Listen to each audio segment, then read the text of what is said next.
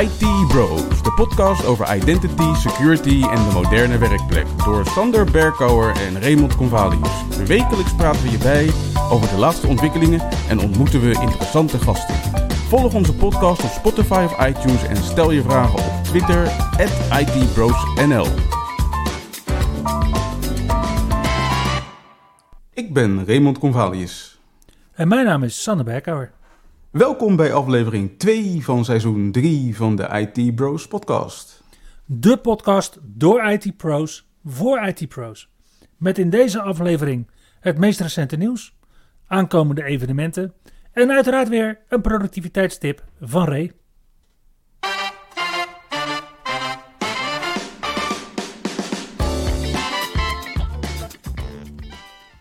Ja, nou eigenlijk is het een vrij droevige week geweest. We namen afscheid van een paar iconen in de desktop- en serverwereld. Te beginnen met uh, ja, misschien wel mijn grootste icoon uit deze desktopgeschiedenis, namelijk Windows 7. Ja, ik heb ook hele goede herinneringen aan evenementen en dingen die georganiseerd werden, die ik zelf organiseerde inderdaad rondom Windows 7. Maar dan hebben we het over 2009, mensen. Mm En daar is nu dan ook in de Extended Extended Support een einde aangekomen. Net als aan Windows 8.1 met update 1 en alle voorgaande Windows 8 versies. Echte IT-pro's zullen zeggen van ja, wat is dit voor non-nieuws? Maar als we kijken naar StatCounter, dan zagen we in december 2022 nog een marktaandeel van Windows 7 van 11,2% en van alle Windows 8 versies van 3,2%. Mocht je het nou nog in je netwerk hebben draaien, zorg er dan voor dat je er zo snel mogelijk vanaf komt.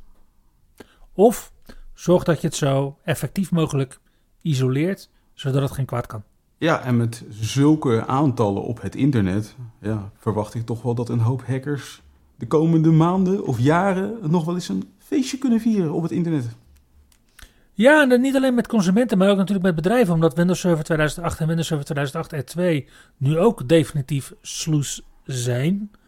Denk ik dat daar ook best nog wel wat impact kan ontstaan. Als dat soort hosts niet effectief zijn geïsoleerd.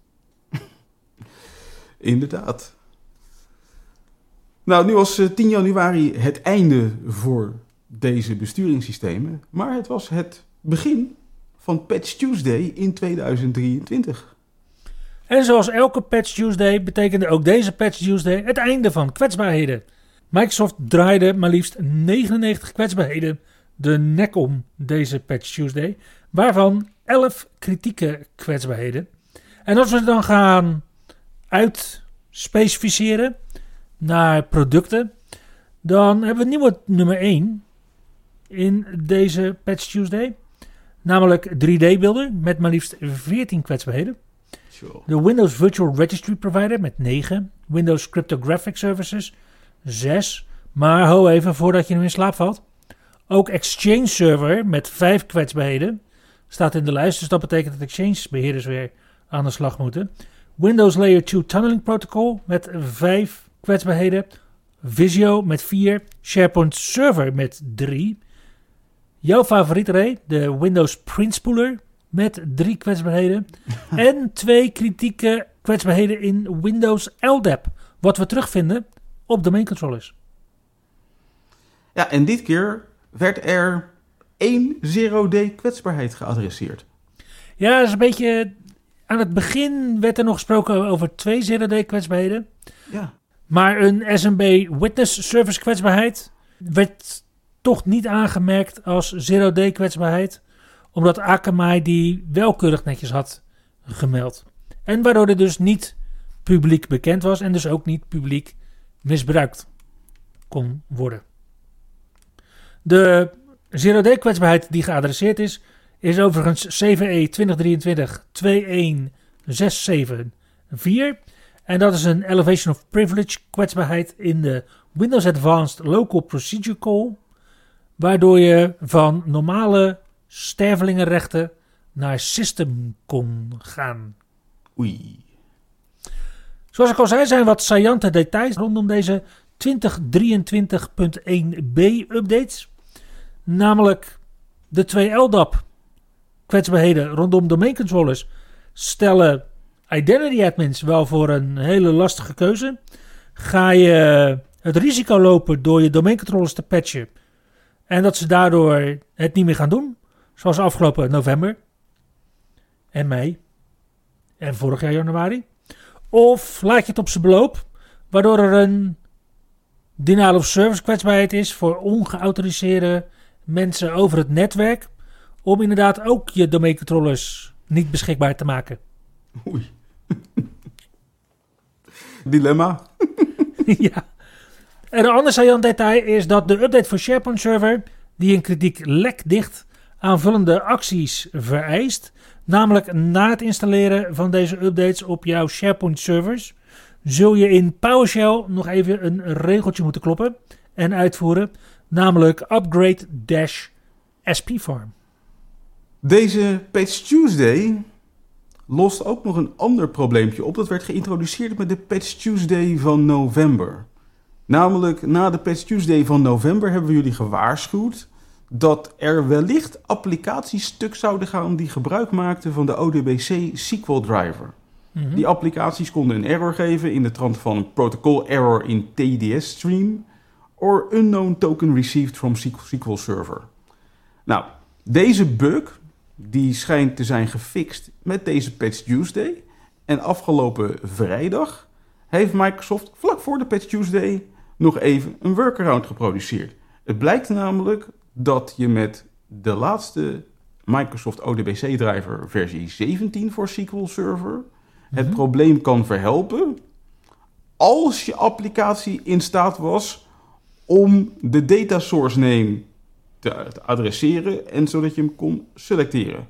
Als dat niet zo was of is, dan zegt Microsoft is het misschien tijd om je applicatie te modificeren zodat die anders gebruik gaat maken van het data source name selectie eh, protocol.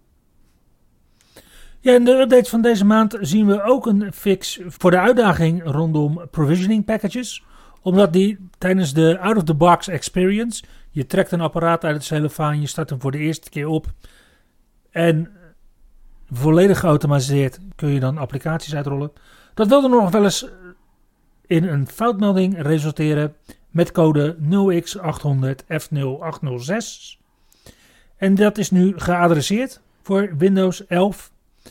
Alleen de manier waarop Microsoft dit heeft geadresseerd zorgt ervoor dat wanneer applicaties aanvullende rechten nodig hebben, dat ze niet worden geïnstalleerd.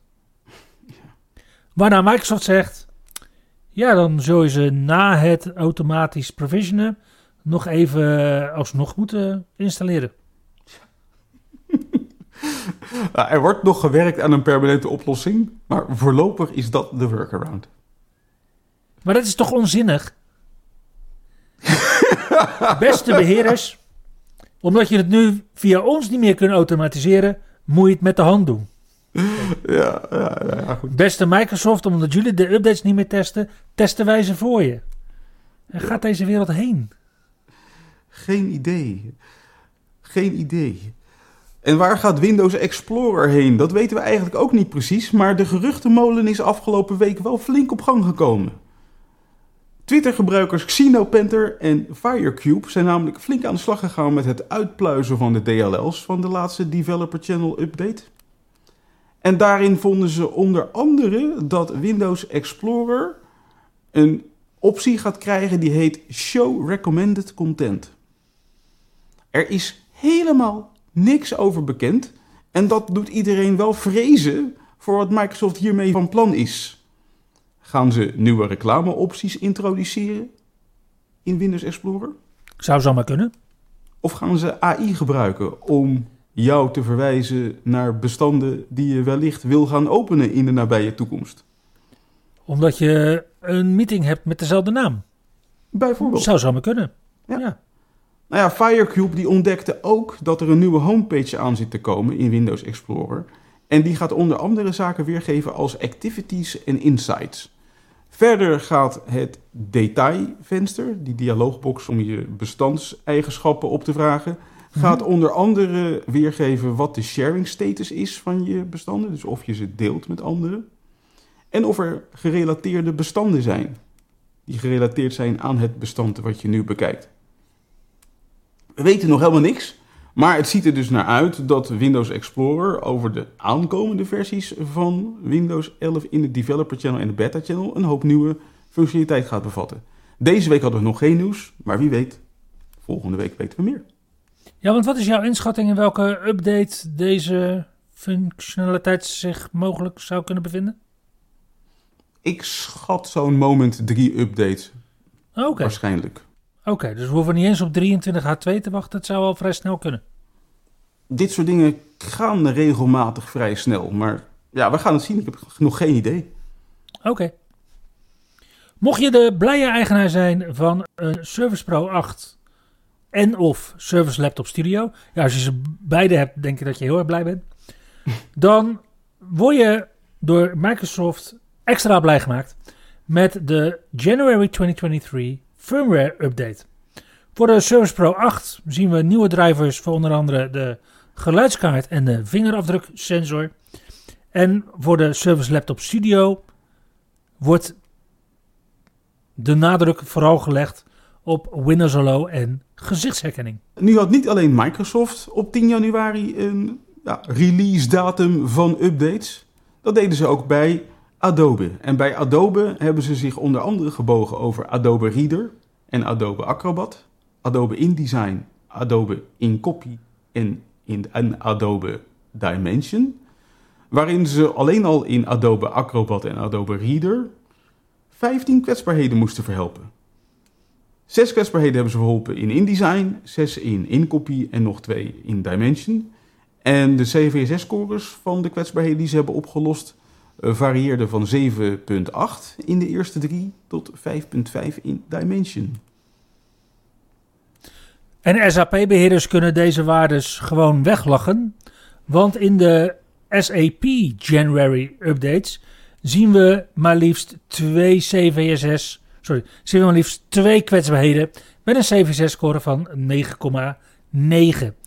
Totaal adresseren SAP 9 nieuwe kwetsbaarheden op 10 januari 2023 en daarvan zijn er en daarvan is de helft met een CVSS-score boven de 9. Dus voor SAP-beheerders is er nu toch best wel wat te doen. Dat geldt ook voor de mensen die beschikken over een Synology router. Want die hebben op 3 januari een kwetsbaarheid geadresseerd met een CVSS-score van maar liefst 10 op de schaal van 10. Deze kwetsbaarheid die is gevonden in de VPN Plus software op deze Synology routers. En bekend staat als CVE 2022-43931.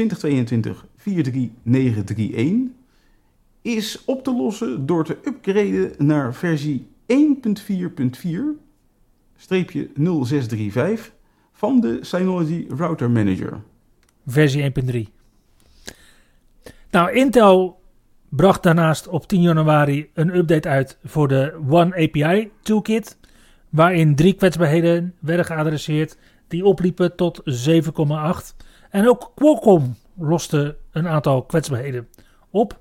Oplettende lezers vinden 22 kwetsbaarheden in hun January 2023 Security Bulletin. En de ernstigste van die kwetsbaarheden is een integer overflow to buffer overflow in automotive. Die bekend staat als CVE 2022 33219 met een CVSS-score van 9,3. En daarnaast zijn er een tweetal andere ernstige kwetsbaarheden met een CVSS-score van respectievelijk 8,2 en 7,3 onderdeel van dat lijstje. De hardware van Qualcomm vind je onder andere terug in hardware van Lenovo, Microsoft en Samsung. Ook bij het team van PowerToys hebben ze niet stilgezeten. En daar hebben ze op 6 januari versie 0.66.0 gereleased. Waarin eigenlijk geen nieuwe features zitten, wel een groot aantal fixes. Nou, en als soort van nieuwe feature wordt nu .NET 7 automatisch mee geïnstalleerd met de PowerToys. Dus die hoef je niet meer vooraf te downloaden en te installeren. Even een dubbelcheckvraag, want jij zegt tot net 7. Ja, inderdaad. Oké. Ik ben op Windows servers vooral nu bezig met tot net framework 4.7 nog te implementeren en naartoe te upgraden. Omdat dat soms ontbreekt voor Mhm. de, bijvoorbeeld Azure die Password Protection Agent op domain controllers. Maar inderdaad, op de client zijn ze daar al een stuk verder mee. Goed Ja. te horen. Verder is de geruchtenmolen ook goed op gang gekomen wat betreft de hardware van Microsoft als het gaat over mobiele telefonie. Moet je me even helpen hoor, want sinds Windows Phone heb ik daar niet heel veel van gehoord. Dan hebben we het specifiek over de... Nou ja, Microsoft heeft tegenwoordig een Android-telefoon in de aanbieding onder de noemer Surface Duo 2. De Surface Duo natuurlijk, ja. Dat is eh, dat eh openklapapparaat met die twee schermen. En het blijkt namelijk dat de voorraad van deze apparaten wereldwijd op aan het raken is in de Microsoft stores. Oké. En het is niet duidelijk of Microsoft hier nieuwe voorraad aan het produceren is of niet. Of dat dat ding ineens tegen een bepaalde prijs immens populair is. Ja, en ze zeggen er ook helemaal niks over. Maar het gerucht gaat wel dat Microsoft nu aan het werken is aan een derde generatie Android-apparaten. En die derde generatie Android-apparaten, daar lijkt Microsoft het idee van een dual screen telefoon los te gaan laten door over te gaan naar een vouwbaar scherm. En er schijnt ook een quote-quote gewone Android-telefoon van Microsoft aan te komen onder de Surface-lijn. Maar waarom zou Microsoft dat doen? Nou, dat schijnen ze te doen omdat ze werken aan een project dat heet Perfect Together. En met Perfect Together moet er een soort ecosysteem ontstaan tussen Windows en Android-telefoons, wat vergelijkbaar is met wat Apple doet voor de iPhone en macOS. Oh, maar dan heeft Microsoft nog wel eh, wat te doen, zeg maar. dat lijkt, daar lijkt het wel op, ja. Als ik die Phone Link app gebruik, Ja. dan kan ik daar alleen maar Samsung telefoons mee koppelen en niet Microsoft's eigen Surface Duo. Precies. Het is een beetje eh, kwakkelen nog wat betreft eh, het ecosysteem en de integratie tussen de telefoons en Windows. Maar Microsoft schijnt er nu moeite voor te gaan doen. En wie weet met de volgende generatie Surface-telefoons dat we daar wat van terug gaan zien. Ja, de andere kant op zijn er namelijk wel hele grote ontwikkelingen. Daar zien we namelijk een nieuw Windows subsystem voor Android, wat beschikbaar is in de Microsoft Store en gebaseerd is op Android 13. Mhm. Deze versie 2211.40.11.0 is nu beschikbaar voor iedereen die gebruik maakt van de Windows Insider Channel builds. En biedt onder andere sneller opstarten, beter reageren op een muisklikken, verbeterd knippen en plakken en de mogelijkheid om applicaties groter en kleiner te maken op het scherm. Ja, en Microsoft is ook flink aan het investeren in artificial intelligence. Dat hebben we de afgelopen weken ook al gemerkt met eh, de populariteit van GPT, versie 3. Ja, waar Microsoft ook flink in had geïnvesteerd al. Ja, en waarvan het gerucht gaat dat ze het gaan integreren in Bing. Mm, yep. En nu hebben ze deze week hebben ze Val-I gedemonstreerd. Dus niet Dal-I, waar we het vorige week al even over hebben gehad, maar nu Mhm. Val-I. En met Val-I kan je AI-gegenereerde stemmen laten horen. En in de huidige demo hebben ze samples van drie seconden gebruikt om mensen hun stemmen, ja, nu zeg maar elektronisch na te bootsen.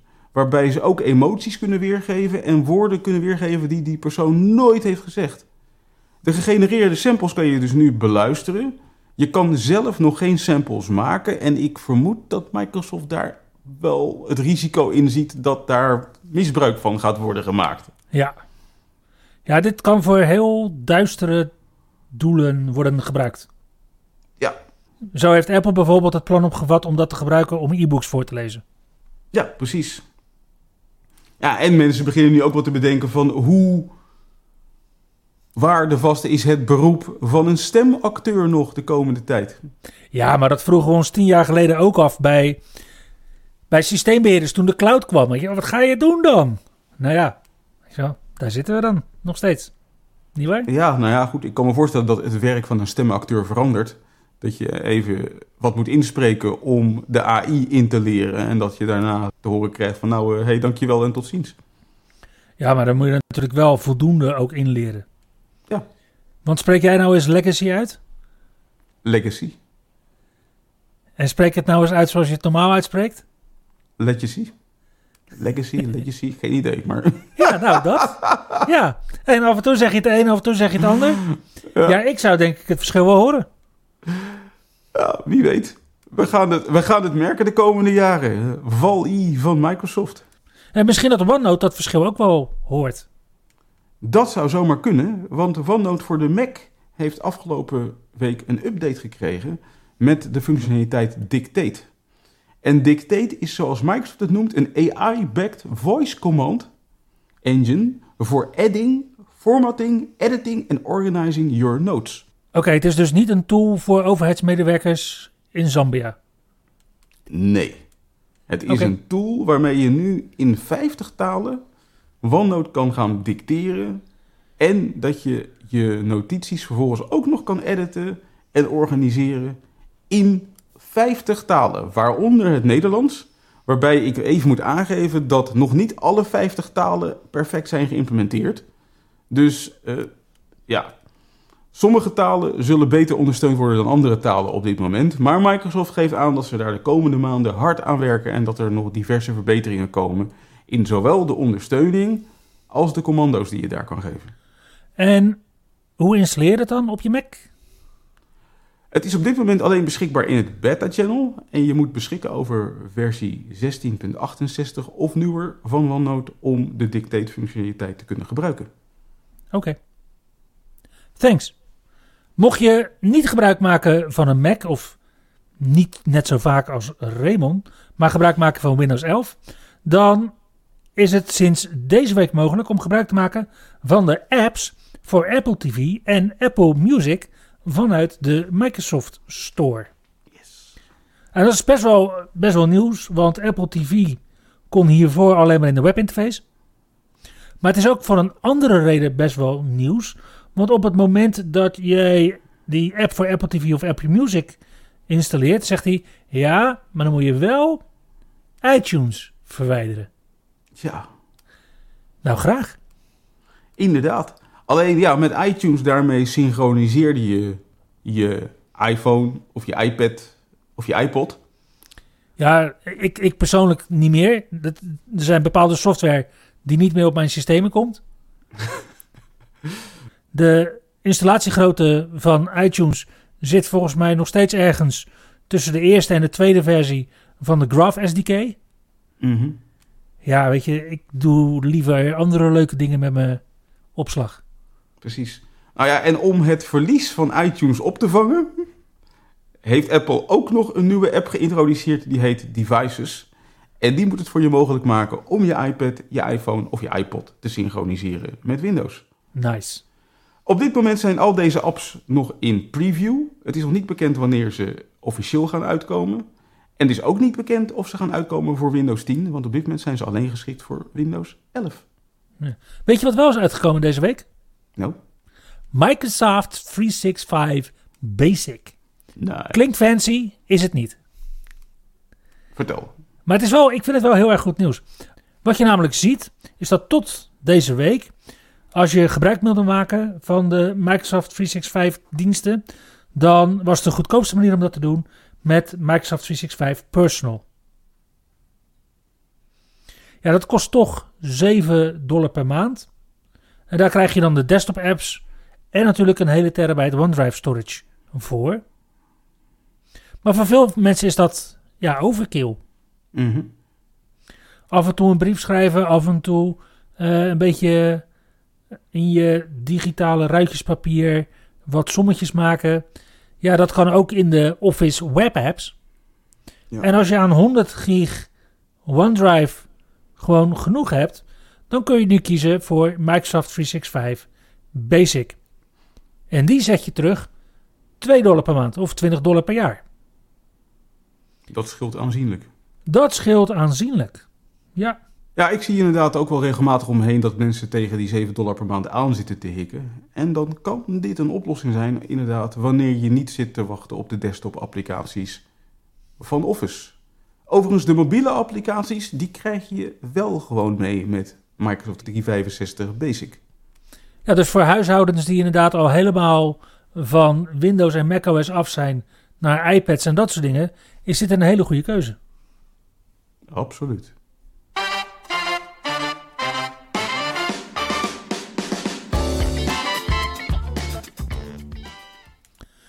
Qua evenementen zien we volgende week slechts één virtueel evenement op de agenda staan. Maar het is dan ook wel gelijk een bijzondere.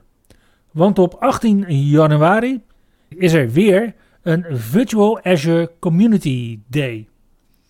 Vanuit vier landen worden er vanaf half twaalf rond het middaguur virtueel presentaties gedeeld. Waarbij we vanuit Nederland en Denemarken de kick-off verzorgen. Waarna Mexico het stokje overneemt tot 5 uur s ochtends op 19 januari 2023. Er zijn een aantal mogelijkheden voor de in-person meetup. Maar je kunt alle sessies van dit evenement ook virtueel kijken.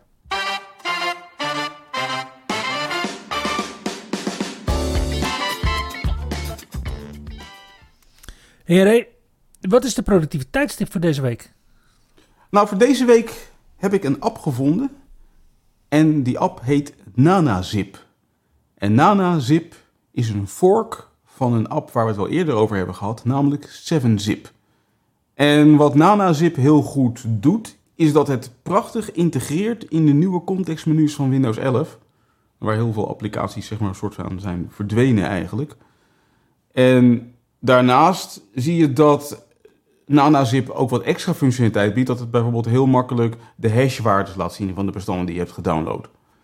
De UI, ja, die is aan een redesign onderhevig. Lijkt enigszins op 7-zip, maar dan in de moderne versie. Met de mooie nieuwe Windows UI. Hey, en het is NanaZip, niet BananaZip, hè? Het zijn geen Ralph Inbar-achtige toestanden. Nee, het is geen uitgeleider. En er is ook geen link met Batman. Ook niet. Oké. En NanaZip is te downloaden uit de Microsoft Store.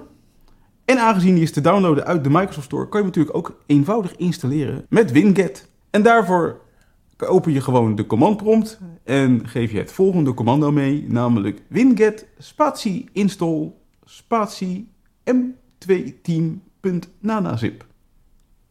En daarmee komen we aan het einde van aflevering 2 van seizoen 3 van de IT Bros podcast. Dankjewel voor het luisteren. En tot volgende week. Tot de volgende keer. Je luisterde naar IT Bros, de wekelijkse podcast over identity, security en de moderne werkplek. Abonneer je op Spotify, iTunes of Google Podcast als je de volgende aflevering niet wilt missen. Heb je hints of tips? Laat dan van je horen op Twitter. @itbrosnl.